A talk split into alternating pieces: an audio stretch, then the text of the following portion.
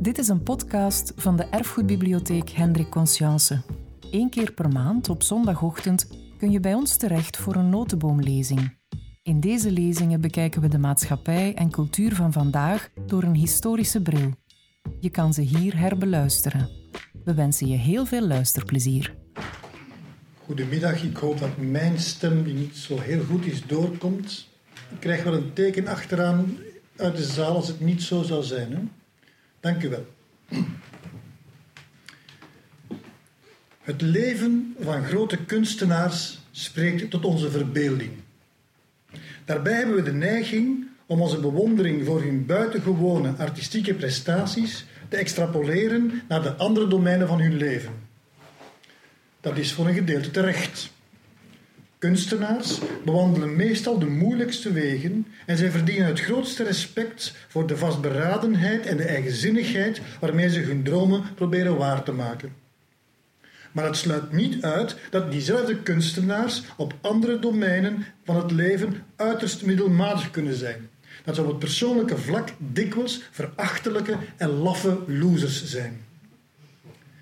Soms hebben we zelfs de indruk dat de beschikbare hoeveelheid moed, verantwoordelijkheid, zin en geluk volledig wordt opgesoupeerd door hun artistiek ideaal. Ja, zelfs dat hun eventueel falen als minnaar, vader of vriend de voorwaarde is tot een groter professioneel succes. Eigenlijk zou het er weinig mogen toe doen. We hebben zelfs geen zaken mee wat onze helden na hun uren uitspoken. En toch zijn we gefascineerd. Vinden we er een heimelijk genot in om te gluren achter de gordijnen van hun huiskamer of onder de lakens van hun bed, al dan niet in hun eigen slaapkamer. Alsof hun privé-debakles ons kunnen troosten voor het feit dat ze op belangrijke gebieden superieur zijn. De zogenaamde boekjes in de krantenwinkel leven van dit leedvermaak.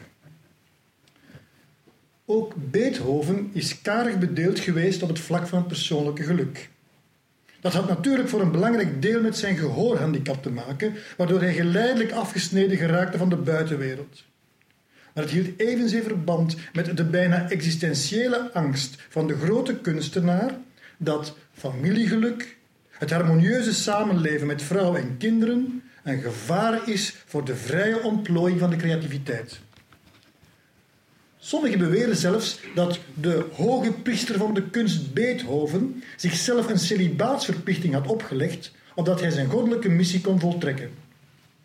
In mensentaal gesproken, Beethovens biografie leest als een lange opsomming van korte en langere liefdesaffaires die op het eerste gezicht spaak liepen op de klippen van de sociale barrières die er in die tijd nog altijd bestonden, maar die tegelijkertijd het geruststellende neveneffect hadden dat Beethoven er zich geen zorgen hoefde over te maken dat de interessantste vrouwen zich aan hem zouden binden.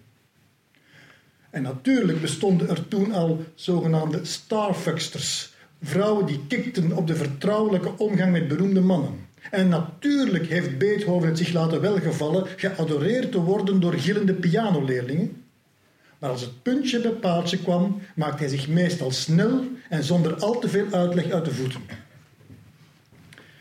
Toch, en toch, is er één vrouw geweest waarvan we menen te weten dat ze Beethovens grote geliefde was. Dat haar relatie met de grote meester meer was dan een tijdelijke bevlieging of flirt. En dat ze Beethoven zo in haar ban had dat hij vurig hoopte met haar te kunnen trouwen. Josephine von Brunswick, een tien jaar jongere adellijke pianostudente die verschillende keren in zijn leven is opgedoken en er evenveel keer onverhoeds is uit verdwenen. Beethoven noemde haar op een bepaald ogenblik zijn onsterfelijke geliefde. En we zullen nooit weten hoe Beethovens leven en bij uitbreiding zijn muziek er zouden hebben uitgezien mocht Josephine ingegaan zijn op zijn vurige wens zijn echtgenote te worden. De geschiedenis van Beethovens onsterfelijke geliefde is een lange tijd versluierd geworden door de nevelen van de hypocrisie en de gêne. Vooral de familie van Brunswick heeft er tot op de dag van vandaag alles aan gedaan om de in hun ogen compromitterende relatie van Josephine met de beroemde, maar nogal extravagante componist Beethoven aan het oog van de geschiedenis te onttrekken. U zal straks beter begrijpen waarom. Maar de voorbije jaren heeft een Canadees-Oostenrijkse onderzoekster de hand weten te leggen op heel wat archiefmateriaal, waardoor het mogelijk werd om deze liefdesaffaire in detail te reconstrueren, om bepaalde hiaten in Beethovens biografie op te vullen, om een verklaring te geven voor een aantal anomalieën die de Beethoven-kenners al twee eeuwen bezighielden, en om een aantal pikante details te ontbloten die een nieuw licht werpen op deze toch wel tragische geschiedenis. Het maakt Beethoven er alleszins een stuk menselijker en kwetsbaarder op. En zoals eerder al gezegd, is dat een geruststellende gedachte.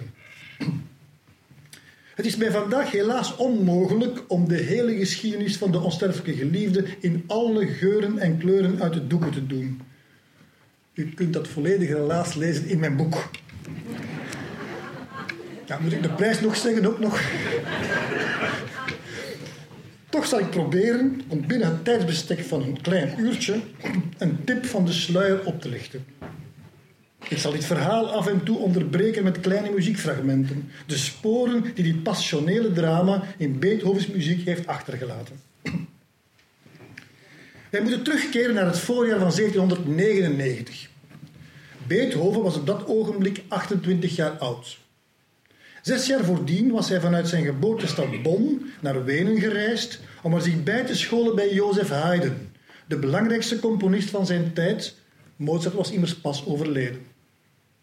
Toen Beethoven na twee jaar klaar was met zijn studies, bleek een terugkeer naar het thuisland echter uitgesloten te zijn, omdat de steden aan de linker Rijnoever, Bonn, Keulen en Koblenz, Koblenz, bezet waren door Franse troepen en het keurvorstelijke hof en dus ook de muziekkapel waarvan Beethoven deel uitmaakte, ontmanteld werden. Beethoven werd op die manier verplicht om in de Oostenrijkse hoofdstad te blijven en om in deze moeilijke stad een muzikantencarrière uit te bouwen, wat hem overigens aardig lukte. Onder meer dankzij de steun van de belangrijkste adellijke families, maar ook van het goed georganiseerde netwerk van vrijmetselaars, slaagde hij erin zich in korte tijd op te werken tot de top van de Weense muziekpyramide. Hij elektriseerde het publiek met zijn fantastische improvisaties aan de piano en was een veelgesolliciteerde klavierleraar. Voor een goed begrip, behoudens wat klachten over oorsuizingen en af en toe wat hoofdpijn, scheen op dat ogenblik niets erop te wijzen dat hij ten prooi zou vallen aan een fatale gehoorziekte die op termijn zijn leven en zijn carrière drastisch overhoop zou gooien. Beethoven was dus behoorlijk succesvol en blaakte van zelfvertrouwen en optimisme toen hij in mei 1799 het aanzoek kreeg van Anne van Brunswick, een uit Hongarije afkomstige adellijke weduwe, om pianoleraar te worden van haar twee dochters, de 24-jarige Therese en de vijf jaar jongere Josephine. Beethoven, die normalerwijze een hekel had aan lesgeven, moest daar geen twee keer over nadenken. Hetgeen er natuurlijk mee te maken had dat de twee meisjes muzikaal zeer begaafd waren, maar allicht nog meer dat de jongste van de twee, Josephine, ook op andere gebieden zeer goed bedeeld was door de natuur.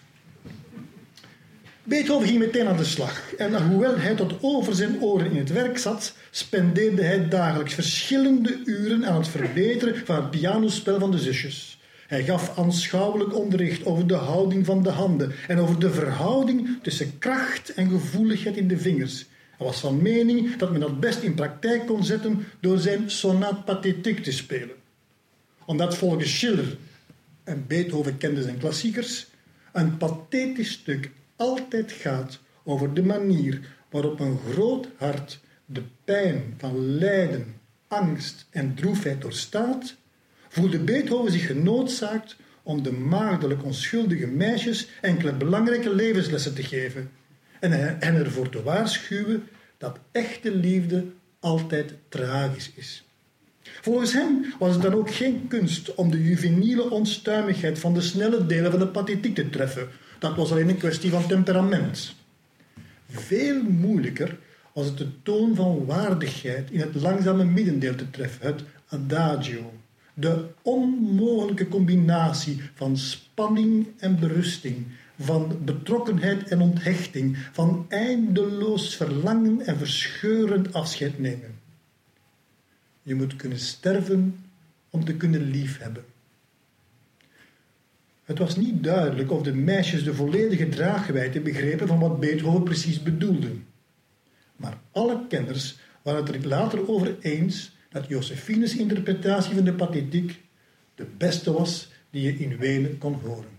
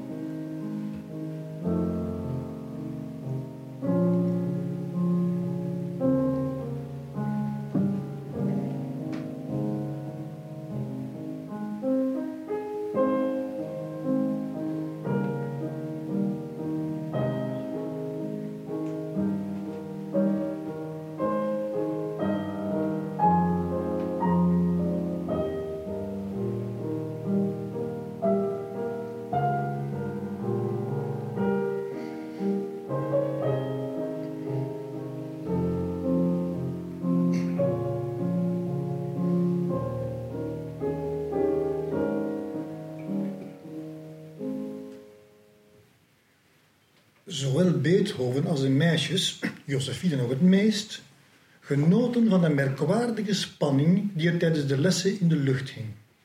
En na afloop nodigde de meester hen uit om uitstapjes te maken in de natuur, naar het theater of naar dansfeestjes te gaan, of gewoon om te flaneren op graben en in de Kernerstraßen. Er werd gelachen, gestoeid, geflirt. Aan die état de grâce kwam echter veel te snel een einde toen moeder van Brunswick een geschikte huwelijkskandidaat meende gevonden te hebben voor Josephine en erin slaagde om haar dochter te verpatsen aan de 47-jarige Jozef Dijn. Het arme meisje riposteerde even, maar aangezien de wil van de moeder wet was, werd ze op enkele weken tijd gedwongen zich te transformeren in een volwassen, getrouwde vrouw. Die Jozef Dijn was een merkwaardige man. Een van de meest excentrieke figuren die er in Wenen rondliepen, wat de uit de Hongaarse Pusta ingeweken moeder van Brunswick helemaal nog niet scheen te beseffen. Dijn was de eigenaar van een oud kopermagazijn in het noorden van de stad dat hij had omgebouwd tot wat we vandaag zouden noemen een multifunctioneel cultureel centrum. Een fantastisch museum waar men dingen kon zien die alle verbeelding overtroffen wassen en gipsen beelden en machines die van alles konden, tot en met het imiteren van kleine orkestjes. Maar de attractie was het erotische kabinet, dat in veel reisgidsen van Overwenen werd aanbevolen en dat zoveel toeschouwers lokte dat de zedenpolitie argwaan kreeg en geregeld tussen beiden moest komen om bepaalde voorwerpen te laten verdwijnen. Dat erotische kabinet bestond uit een rode kamer vol met spiegels, albasten koepels aan het plafond, waarin vlammetjes weer kaatsten en dansten als dartele putti, pikante schilderijtjes aan de muren en beeldjes van naakte vrouwen op elegante piedestals. In het midden van de kamer stond een wat men noemde elastisch bed. Een Londense uitvinding, een bed dat meedeinde op het ritme van het ballet dat erin werd uitgevoerd. Op de prachtige mousseline lakens lag een schaars geklede gewassen vrouw. Een van de drie gratieën. De verzinnenbeelding van de vrouw die godin was geworden. En op de achtergrond stond een mechanisch orgeltje, een fleutenoer, waar het hemelse klanken weer klonken die gecomponeerd waren door niemand minder dan Wolfgang Amadeus Mozart. In dit fantasialand leidde Jozef Dijn een leven dat minstens evenveel tot de verbeelding sprak dan het interieur dat hij had ontworpen. Het was een publiek geheim, behalve dus voor mama van Brunswick, dat de museumbezitter na sluitingstijd geregeld zijn wassen gratie verwijderde om zelf, met zachte Mozartmuziek dus op de achtergrond, aan een of andere Weense schone de voordelen te demonstreren van het elastische bed. Tot hij dan in juni 1799 zijn echte gratie leerde kennen, Josephine von Brunswick. Een vrouw die in zijn ogen balanceerde op de subtiele grens tussen wassen utopie en vleesgeworden perfectie en die Magiaarse schoonheid koppelde aan boheems temperament en Weense esprit. Hij liet er geen gras over groeien, overtuigde mama van Brunswick en trouwde met een meisje dat zijn dochter kon zijn geweest. De Van Brunswicks kwamen er echter te laat achter wat voor vlees ze met duim in de kuip hadden. En vooral dat hij veel minder rijk was dan ze eerst hadden gedacht. Daarop stelde die vrouw mama alles in het werk om het huwelijk van haar dochter te kelderen. En zij deed dat met dezelfde hardnekkigheid waarmee ze het een paar maanden eerder had afgedwongen. Maar deze keer was Josephine onvermurwbaar en weigerde de vader van het kind dat ze ondertussen in haar schoot droeg te laten vallen. Het elastische bed had dus duidelijk wonderen verricht. Beethoven heeft dit alles met leden ogen moeten aanzien, maar legde zich neer bij de gang van zaken. Hij kende zijn plaats en hoewel hij ondertussen toch al enige status had verworven als BW, als bekende Wener, besefte hij dat hij nooit enige kans als huwelijkskandidaat had gemaakt. Het leven zag er na Josephines huwelijk plots anders uit. De pianolessen namen af in frequentie en intensiteit en van après le son was helemaal geen sprake meer. Maar terwijl de man Beethoven via de achterdeur uit Josephines leven verdween, maakte de kunstenaar Beethoven zijn entree naar zijn grote poort. Josephine vond dat zij het culturele niveau van het kunstenkabinet moest optrekken. Zij begon in het benedenzaaltje concerten te organiseren en nodigde de Weense Grand Chic uit. Josephine zelf trad geregeld op. Ze speelde bijvoorbeeld Beethovens vioolsonaat met de bekende violist Chupanzig. Maar hoe hoogstaand deze uitvoeringen ook waren, zij verbleekten als Beethoven zich aan de piano zette en lange improvisaties uit zijn klavier toverde. Dan opende zich werkelijk een ander universum. Een universum waarin bovendien een ondeugende Beethoven kleine, geheime boodschappen aan de gastvrouw verborg. Muzikale knipoogjes die alleen de betrokkenen konden begrijpen en die door hun exclusiviteit zorgden voor een subtiele en onuitgesproken spanning tussen hun beiden. Al wisten ze natuurlijk wel hoe ver ze te ver konden gaan. En Jozef Dijm, wel, die kende niets van muziek maar was zeer vereerd en vertederd door het hoogstaande niveau van de evenementen. Beethoven heeft hem overigens steeds respectvol behandeld. Hij heeft hem zelfs vijf muziekstukjes geschonken voor het fleutenoer in het erotische kabinet. Terwijl Dijn in het fameuze elastische bed Josephines lichaam alle eer aandeed, klonk op de achtergrond de muziek van haar leermeester, het Allegro für eine Spieluhr.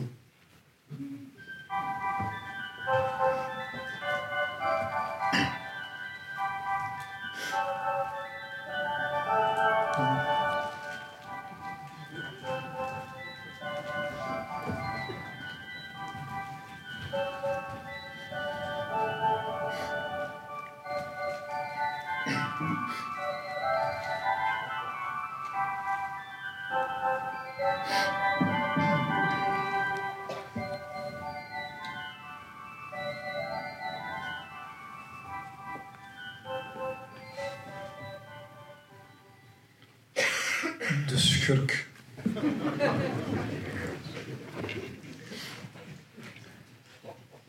Het leven ging verder. Josephine kreeg in totaal vier kinderen en Beethoven leerde andere vrouwen kennen. Het jaar na het huwelijk van Josephine maakte hij bijvoorbeeld kennis met een van haar jongere nichtjes, de 16-jarige Giulietta Guicciardi. Hij gaf haar klavierlessen en werd verliefd op haar. Giulietta was net als Josephine een bijzonder mooi en getalenteerd meisje. Ze had bovendien jaren in Italië geleefd en had daar een zekere flair, opgewondenheid en geveinsde wulpsheid aan overgehouden. De Van Brunswicks deden daar nogal laatdunkend over. Zij vonden dat hun nichtje zich koket, aanstellerig en zelfs lichtzinnig gedroeg. Niet op het niveau van Beethoven dus. Maar deze laatste liet zich dat wel gevallen en van het een kwam het ander. Een huwelijk was echter uitgesloten omdat, andermaal, het meisje niet van zijn stand was. Maar blijkbaar scheen Beethoven dat niet eens zo erg te vinden. Naar eigen zeggen had hij, ik citeer, toch met haar niet kunnen trouwen omdat hij nog zoveel werk te verzetten had.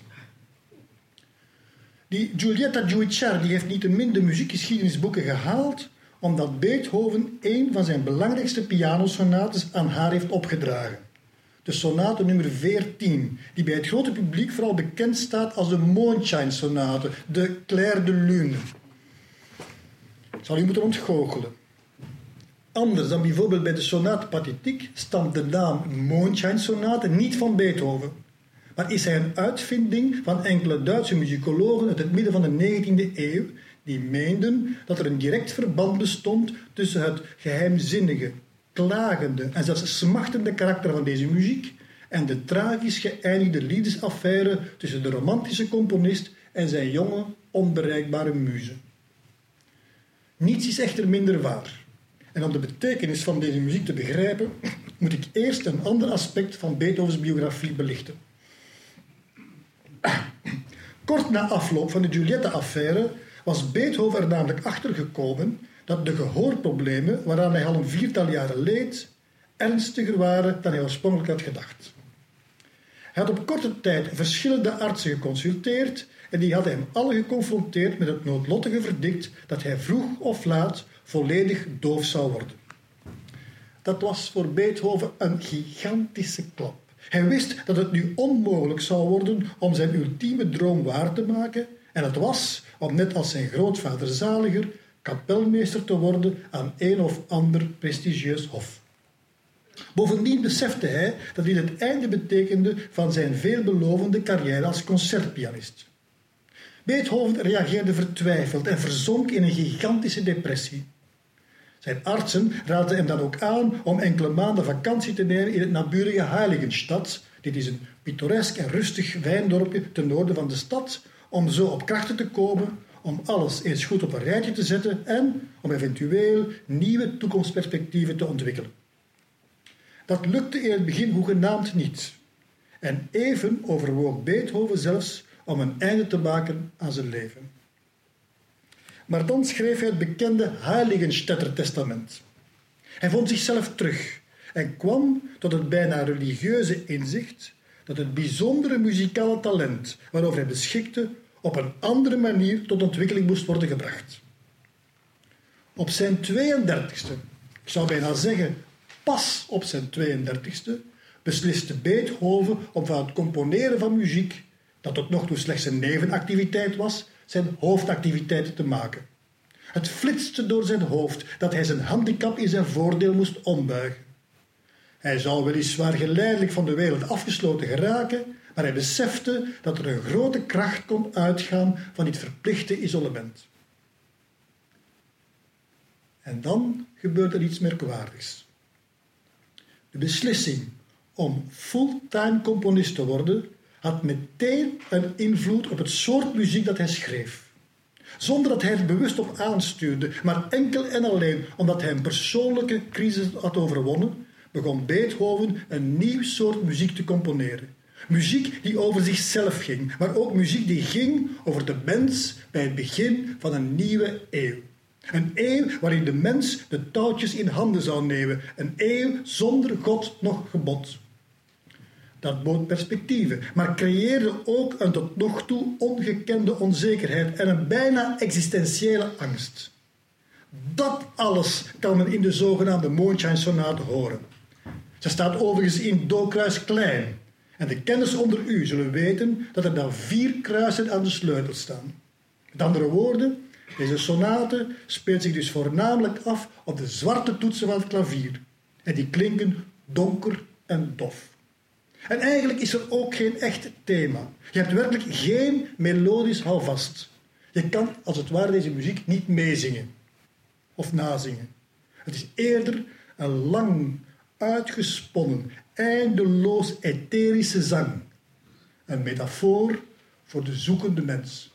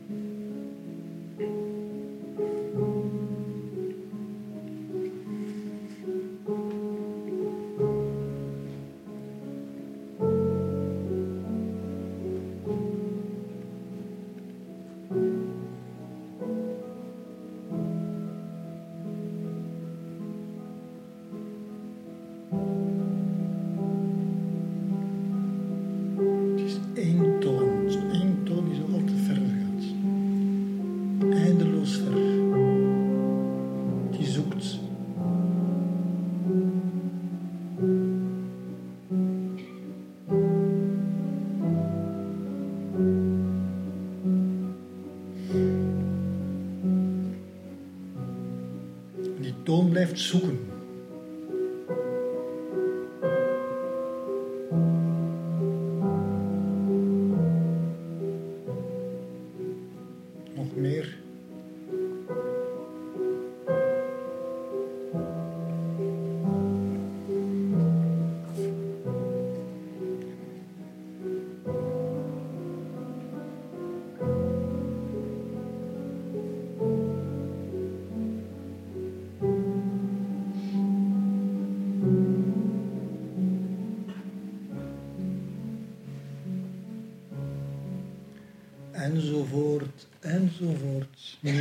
Minutenlang op de doel. In het laatste deel van diezelfde Mondschein-sonate breekt de hel los. Hier vecht Beethoven niet alleen met zichzelf en de muziek, maar ook met de piano, die op sommige momenten ophoudt piano te zijn en een soort heksenketel wordt, waaruit de pianist als een sjamaan demonische klanken dampen laat opstijgen. Ook dat is een metafoor. Men hoort wat er boven komt als de mens in de eeuw van Schopenhauer, Nietzsche, Nietzsche en Freud gaat spitten in zijn ziel.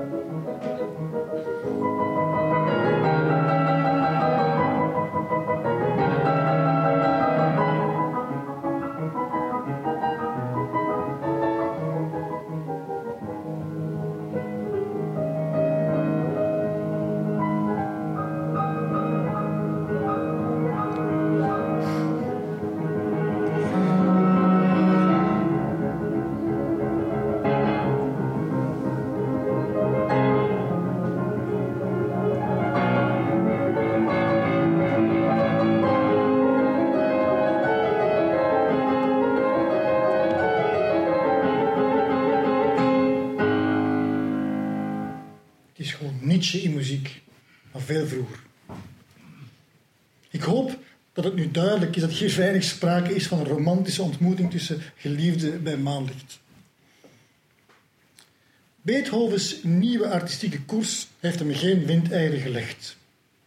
Hij kreeg belangrijke bestellingen en schreef grootse werken zoals het oratorium Christus op de Olijfberg, de derde symfonie, beter bekend als de Eroica, en de opera Fidelio, Drie composities die handelen over strijdende en leidende helden, dus ook en vooral over Beethoven zelf.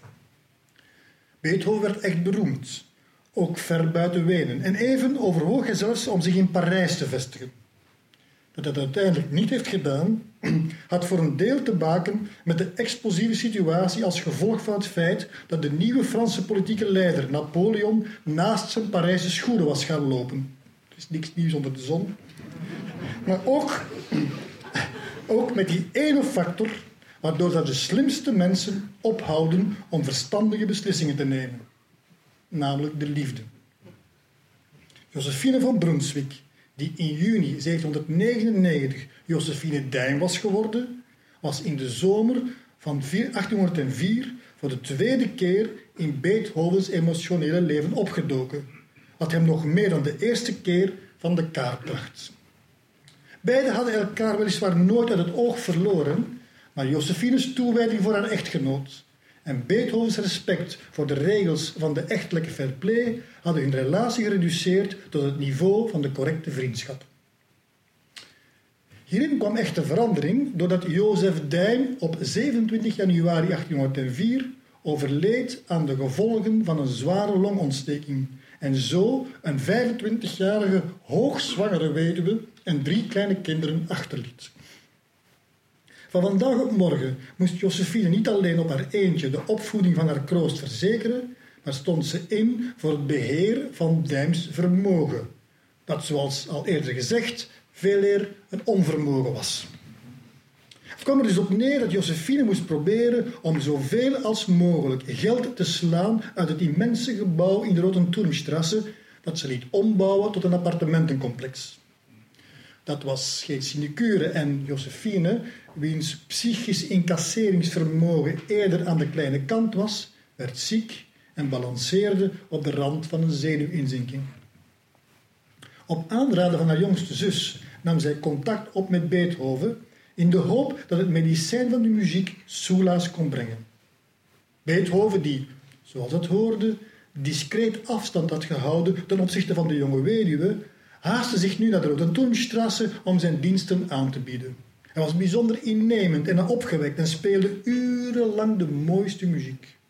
De patiënten fleurden op en organiseerden opnieuw muzikale soirées, waarbij ze, nauwelijks getekend door het weduwschap, de aandacht naar zich trok door haar bescheiden elegantie, goede smaak en nog steeds onweerstaanbare charme en uitstraling.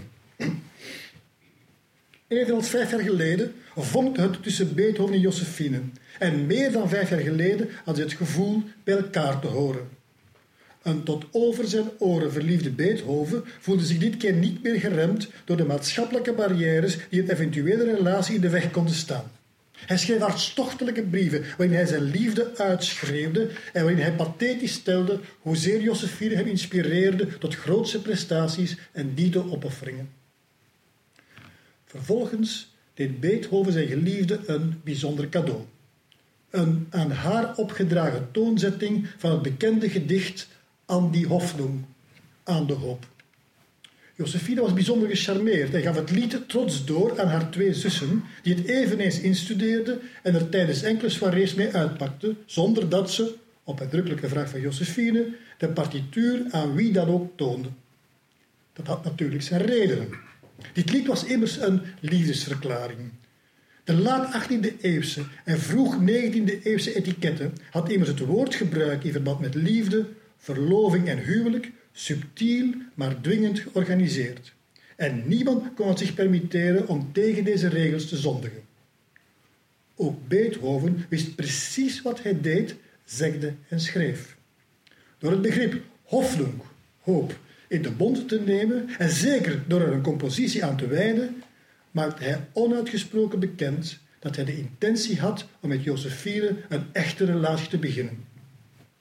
Ik wil u nu Beethovens vroeg 19e eeuwse versie van Ik vraag het aan laten horen. U zult merken, u zult merken hoe de mooie muziek van hoop en liefde af en toe wordt onderbroken door de donkere modulaties van de geveinsde angst voor de afwijzing. Maar ook dat behoorde bij de etiketten.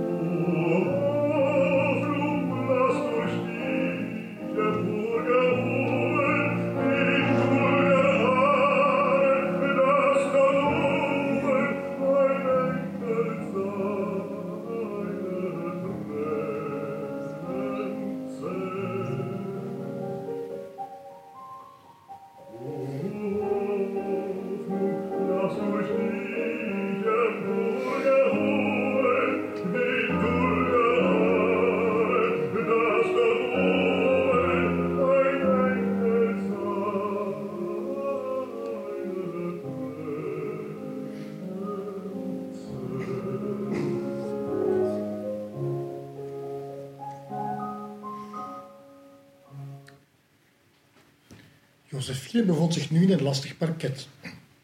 Ze aanvaarde het geschenk in dank, voedde op die manier Beethovens hoop en wakkerde zijn liefde aan. Maar tegelijkertijd wenste zij dat hun relatie geheim zou blijven en vroeg zij om de grootste discretie. Ze had daar redenen voor. Omdat de adellijken, de virtuozen van de sociale controle en de achterklap niet veel anders te doen hebben dan te speculeren over de manier waarop ze met elkaar omgaan, werd er immers binnen de kortste keren in de onmiddellijke omgeving van Josephine gemeesmuild over de intensiteit waarmee ze omging met die beroemde, maar iets wat excentrieke componist. Zo was er bijvoorbeeld een onaangenaam incident met graaf Karl von Lichnowsky, Beethovens belangrijkste mecenas sponsor. Die had bij een bezoek aan Beethoven de partituur van Andy Hofnunk met de opdracht aan Josephine op de piano zien liggen. Lichnowsky had als gepatenteerde schuinsmarcheerder en bordeelschuimer een sterk ontwikkeld seismografisch vermogen voor verschuivingen op erotisch gebied en rook meteen onraad. Hij vroeg Beethoven om opheldering, werd bang dat hij de exclusieve greep op zijn beschermeling zou verliezen en begon aan een goed georchestreerde destabiliseringscampagne. Tegenover Beethoven speelde natuurlijk de vermoorde aristocratische onschuld. Hij vertrouwde hem toe dat hij zo'n verhouding graag zag opbloeien, omdat hij meende dat die erg bevorderlijk zou zijn voor zijn werk. Meer zelfs, hij gaf Beethoven de verzekering dat hij, ik, citeer, discreet zou zijn en er met niemand een woord zou overreppen. Lichnowsky heeft zich aan deze belofte gehouden. Ook al kon hij het niet nalaten een schijnbaar onschuldige vraag te stellen aan Schmeeskal.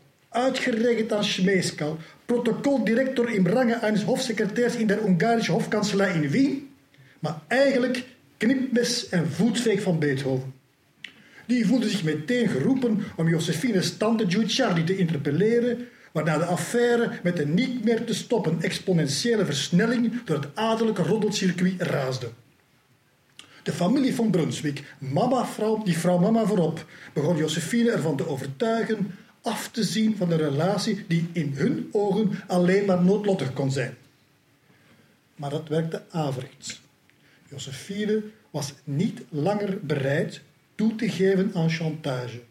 Ze was een vrijgevochten, gelouterde vrouw geworden die haar les vijf jaar eerder had geleerd en die zich op amoureus gebied geen wetten meer liet dicteren.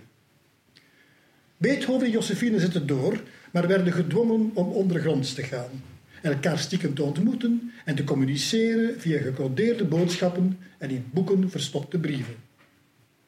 Het gedeelde geheim het onuitgesproken weten van datgene wat niet mocht geweten worden, zorgde voor een hoge mate aan verbondenheid tussen de geliefden. Josephine leefde op een wolk en Beethoven schreef de volgende maanden prachtige muziek. Het vierde pianoconcerto, de vierde symfonie, de Razumowski-kwartetten, het vioolconcerto en vooral grote delen van zijn eerste opera Fidelio. Een opera die handelt over de oneindige kracht van de onvoorwaardelijke liefde en waarvan Josephine als eerste de pas gecomponeerde fragmenten mocht aanhoren. In deze naar euforie neigende gemoedstemming schreef Beethoven het Andante Favori, een pianostuk dat nooit een nummer en nog minder een officiële opdracht meekreeg. Het is een geheim stuk wat de charme ervan aanzienlijk verhoogt. Dit is u, u, u Andante, zei Beethoven steeds weer, en als Josephine het speelde, stroomden de tranen uit haar ogen, geroerd door zoveel liefde en tederheid. Josephine, Josephine. een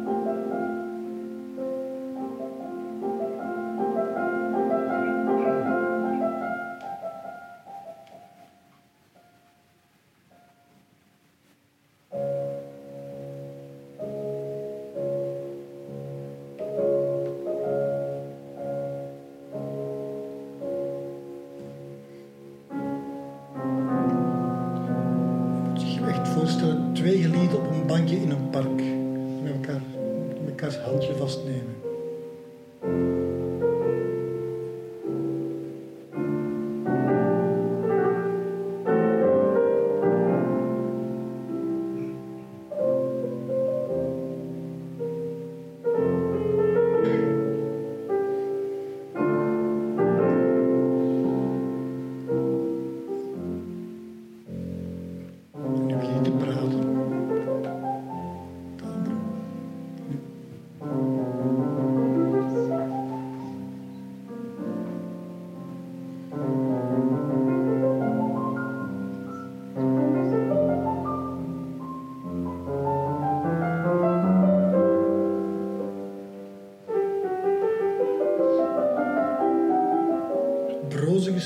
Twee geliefden die nauwelijks iets zeggen.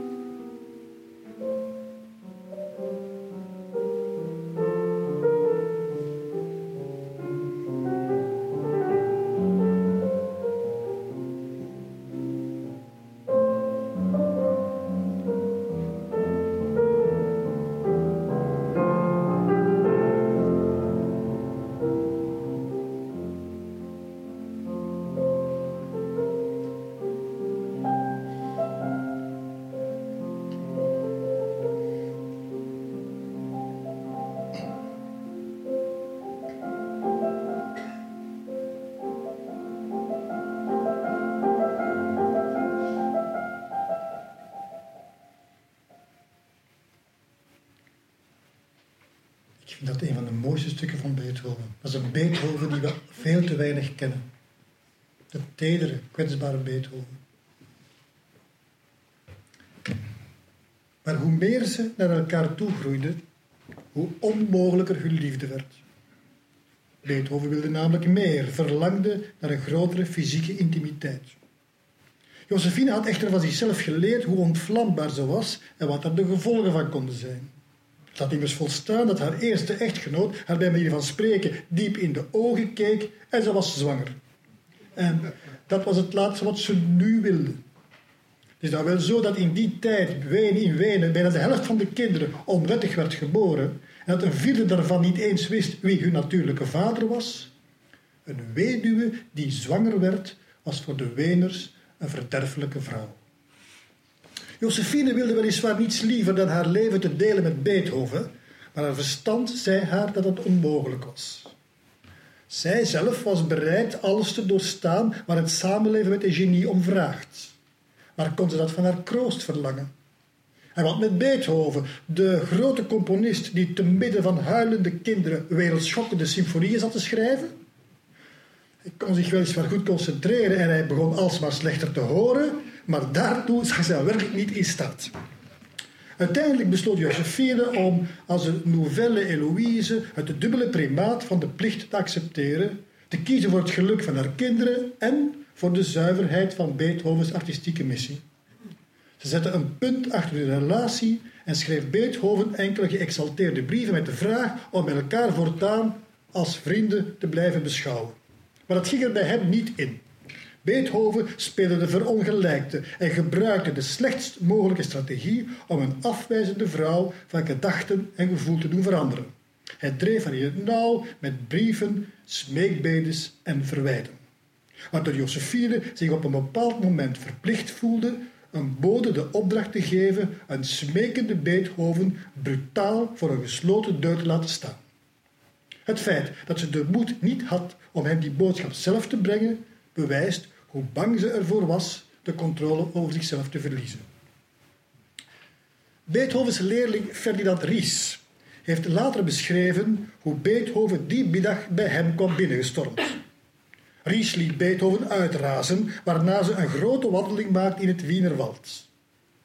Urenlang sprak Beethoven geen woord meer. Hij was volkomen in zichzelf gekeerd en liep voortdurend thema's te brommen. Bij hun thuiskomst stormde hij zonder zijn overjas uit te doen of hoed af te zetten naar de piano, om in een totale razernij en trance een wild stuk uit zijn lijf te schudden, één en al appassionato. Die muziek was nauwelijks nog muziek. Het was een lange, luide schreeuw van vertwijfeling en opstandigheid.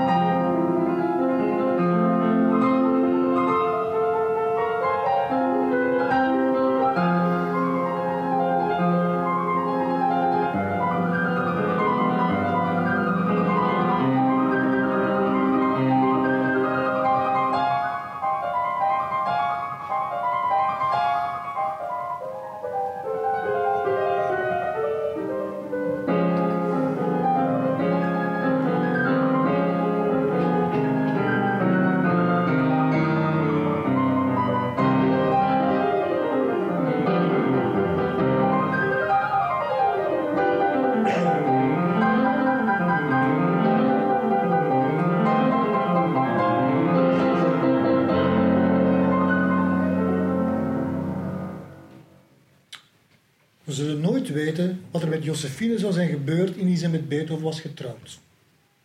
Wat we wel weten, is wat er met haar gebeurde toen ze dat niet deed. De opvoeding van haar kinderen was nu haar belangrijkste bekommernis. Ze dweepte met Pestalozzi, de Zwitserse goeroe van de moderne pedagogiek, de aanhanger van de groene doctrine dat de persoonlijkheid van het kind zich onbegrensd moet kunnen ontplooien met veel aandacht voor creativiteit en in harmonie met de natuur. je weet wel, hè. Een jaar na de breuk met Beethoven reizen ze naar het hoofdkwartier van Pestalozzi in Zwitserland om er een geschikte privéleraar voor haar kinderen te engageren. Die vond ze in de persoon van Christoph von Stakelberg, een uit Estland afkomstige baron, een charmante man die imponeerde door eruditie en de welbespraaktheid waarmee hij zijn pedagogische theorieën debiteerde. Tijdens de terugkeer naar Wenen wierp hij zich daar bovenop als een hoffelijke en toegewijde reisgezel. Toen ze de ondergesneeuwde Alpen overtrokken, werden ze door karavanen van zwaar bepakte muildieren bijna in de afgrond gedreven en zij moesten meermaals vijandelijke troepen kruisen. Bovendien werd Josephine zwaar ziek en vocht ze vier weken voor haar leven. Maar tijdens een oponthoud in Pisa sloeg het noodlot op een nog veel slinkser manier toe. Na een leuke avond met een goed gesprek en enkele glazen wijn werd Josephine verraden door de furie van haar hormonaal temperament. Eén keer slechts, maar wel voldoende om enkele weken later te ontdekken dat ze zwanger was. Bij de thuiskomst was het voor de familie van Brunswick alle hens aan dek. Josephine werd in quarantaine geplaatst, beviel in het grootste geheim van een dochter en trad pas na de geboorte in het huwelijk met Stakelberg. Die was weliswaar protestant en had geen serieus beroep, maar hij was baron. En dat scheen dit keer te volstaan. Voor de tweede keer in haar leven trouwde Josephine dus met een man die ze niet lief had. Dat komt ervan als de persoonlijkheid zich vrij kan ontplooien in harmonie met de harmonie, natuur enzovoort. Ze schonk hem nog wel een tweede dochtertje, maar dat kon niet verbergen dat dit huwelijk snel op een fiasco uitdraaide. Stakelberg leek immers een psychotische, egocentrische luiaard te zijn die van het ene ongeluk in het andere liep. Tot grote ergernis van Josephine, die hem na een paar jaar al aan de deur zette. Vastberaden een scheidingsprocedure in te zetten, reisden ze begin juli 1812 naar Praag om financiële en juridische bijstand te zoeken bij de familie van haar eerste echtgenoot. En toen sneden de lijnen van het toeval elkaar en voltrokken zich het wonder en het drama. Beethoven was namelijk op weg naar Karlsbad, maar maakte een kleine omweg via Praag om er een mecenas te spreken in verband met een geldkwestie, een ander verhaal.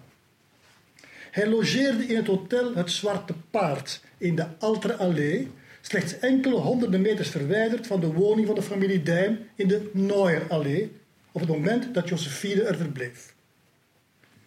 De derde dag van juli verliet Beethoven zijn hotel en liep hij letterlijk in de armen van Josephine, die een avondwandelingetje maakte.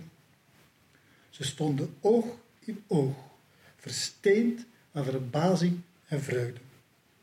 De nacht van 3 juli 1812 hebben Beethoven en Josephine de gedeelde extase gekend waar ze eigenlijk al jaren naar verlangden. Ze ontdeden zich van alle schroom en schuldgevoelens die zo lang de ongeremde uiting van hun gevoelens in de weg hadden gestaan.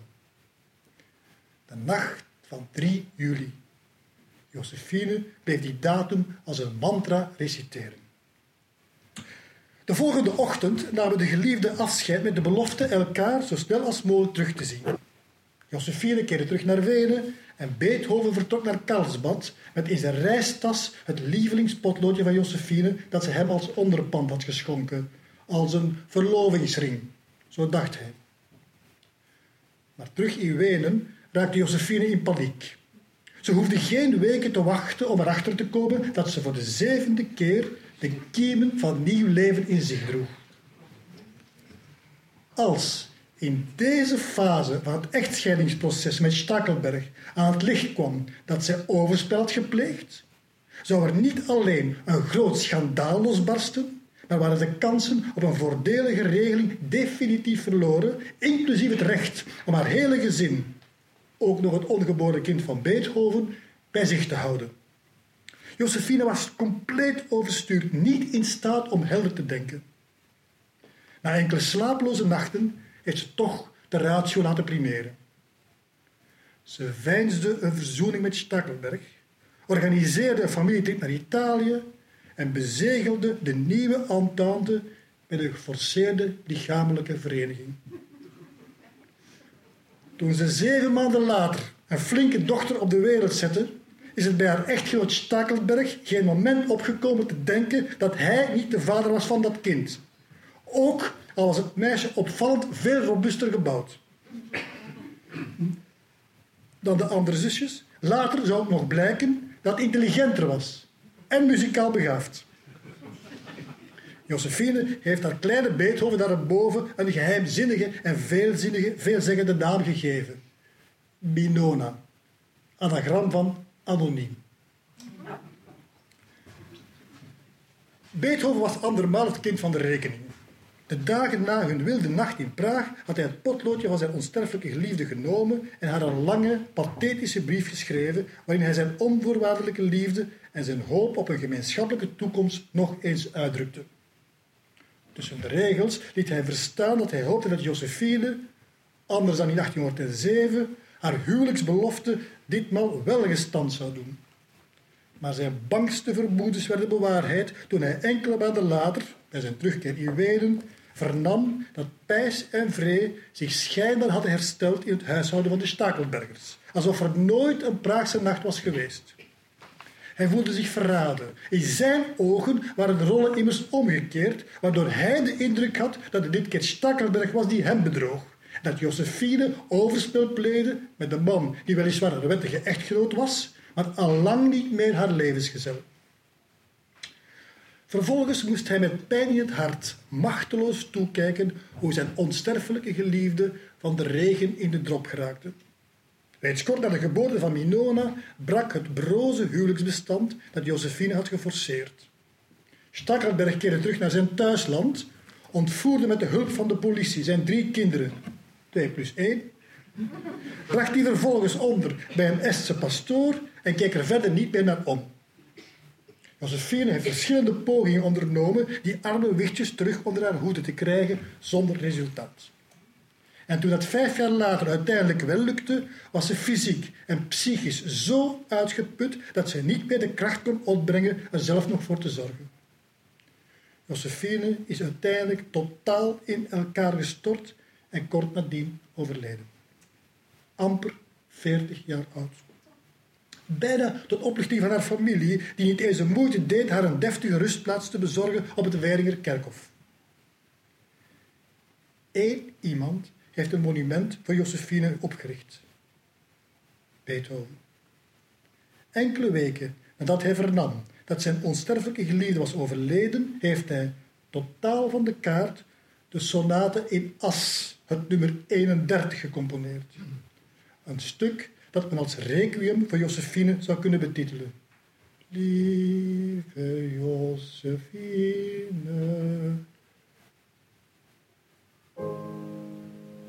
Josephine.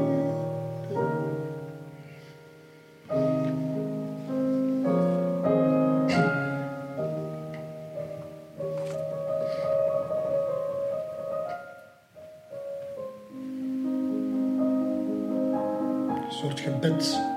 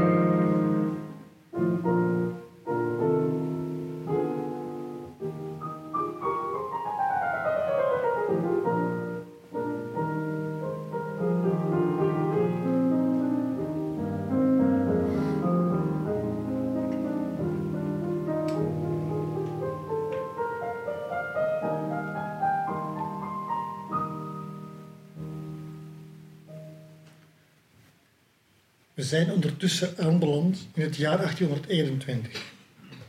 Beethoven was op dat moment 50 jaar oud en ook met hem ging het alsmaar slechter. Hij sukkelde van de ene kwaal in de andere, niet het minst omdat hij elke aanbeveling om zijn alcoholconsumptie te matigen klakkeloos in de wind sloeg. Ondertussen was hij volledig doof geworden, met het gevolg dat men alleen nog maar met hem kon communiceren via schriftelijke boodschappen in zijn zogenaamde conversatieschriftjes, wat een omslachtige onderneming was die een normale sociale omgang zeer in de weg stond. Ook bij het componeren vlotte het van geen kanten. Beethoven deed er bijna vier jaar over om zijn Missa Solemnis en zijn Diabelli-variaties af te werken. Enkel de negende symfonie, de Ode aan die Freude, vloeide relatief snel uit de pen. Het spreekt voor zich dat het in de gegeven omstandigheden voor hem onmogelijk was geworden om in te gaan op een lucratief voorstel om naar Londen uit te wijken. De laatste jaren van zijn leven heeft hij zich enkel nog maar kunnen bezighouden met het schrijven van zijn strijkkwartetten. Hij was volkomen afgesloten van de buitenwereld en dat is aan deze werken te horen. Het zou bijna honderd jaar duren voor diezelfde buitenwereld in staat was de juiste draagwijte van deze bijna transcendente boodschap aan de mensheid naar waarde te schatten. Beethoven stierf uiteindelijk, ik ben geneigd, hij crepeerde op 26 maart 1827, 56 jaar oud. Enkele dagen na zijn dood vonden enkele vrienden in een nachtkastje nachtkastje de fameuze brief aan de onsterfelijke geliefde en meteen begonnen speculaties.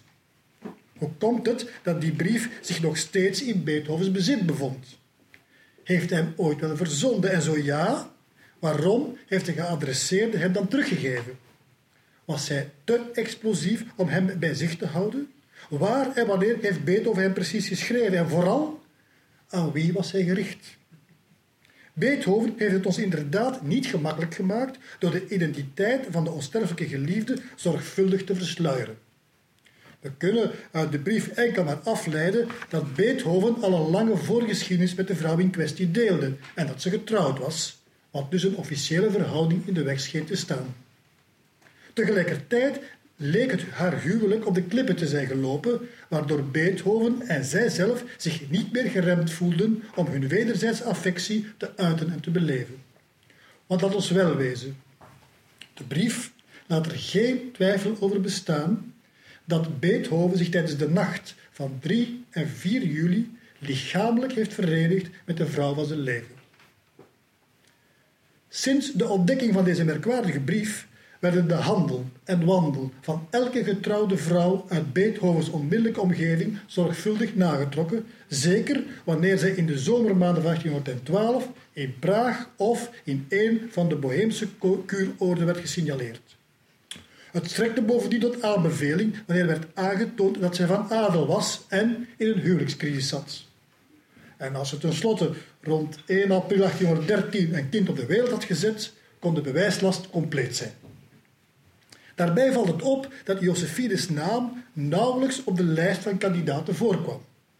Dat was het gevolg van het feit dat de familie van Brunswick er van in het begin alles heeft aangedaan om de zwarte Piet in de schoot van een andere vrouw, bijvoorbeeld van nichtje Giulietta Giucciardi, te leggen. Bovendien werden alle documenten die mogelijkerwijze Josephine in verlegenheid konden brengen, zorgvuldig vernietigd. Zo werden bijvoorbeeld alle pagina's uit Therese's dagboeken, die betrekking hadden op de zomer van 1812, weggescheurd, wat eigenlijk de bewijslast verhoogt. De doofpotoperatie die opgezet was om te vermijden dat Josephine als een femme fatale de geschiedenis zou ingaan die de grote meester Beethoven diep ongelukkig heeft gemaakt, schijnt lange tijd te lukken tot er in 1955, ik herhaal 1955, 13 Josephine-brieven van en naar Beethoven opdoken uit de periode tussen 1804 en 1807. De tijd na het overlijden van haar eerste echtgenoot en voor haar tweede huwelijk. De tijd dus waarin Beethoven en Josephine een hartstochtelijke relatie hadden. Toch heeft het tot, tot 2003, 2003, zeven jaar geleden, geduurd vooraleer de Canadees-Oostenrijkse onderzoekster Rita Steblin erin geslaagd is om, nog steeds, ondanks de tegenkanting van de familie van Brunswick, met een hoge mate van zekerheid te bewijzen dat Josephine wel degelijk de onsterfelijke geliefde was en dat Minona Stakelberg eigenlijk Minona van Beethoven zou moeten heten. Het blijft echter wachten tot Rita Steblin of een andere Beethoven-specialist het graf van Minona zal kunnen terugvinden en het mogelijk wordt om met DNA-onderzoek Steblins hypothese, zoals ik ze voor jullie heb samengevat, nog meer kracht bij te zetten. Overigens wil ik bij wijze van afronding toch nog de vraag beantwoorden die zonder twijfel op jullie lippen brandt. Wat gebeurde er tenslotte met Minona? Na de dood van haar, zeg maar, stiefvader Stakelberg in 1841 keerde ze terug in de schoot van de Brunswick-familie. Eerst ging ze bij de jongste zus van Josephine wonen in een kasteel in Siebenburgen, waar ze zich bezighield met het ordenen van de uitgeleide bibliotheek en het maken van lange en eenzame paardritten door de Weidse vlakte. Tien jaar later keerde ze naar Wenen terug en gecoacht door Tante Therese deed ze nog een poging om zich artistiek te profileren. Therese heeft zelfs even geprobeerd om een pianiste van haar te maken. Maar verder weten we niets van haar. Behalve dat ze overleed in 1897 op 85-jarige leeftijd, ongehuwd en kinderloos. Ik dank u.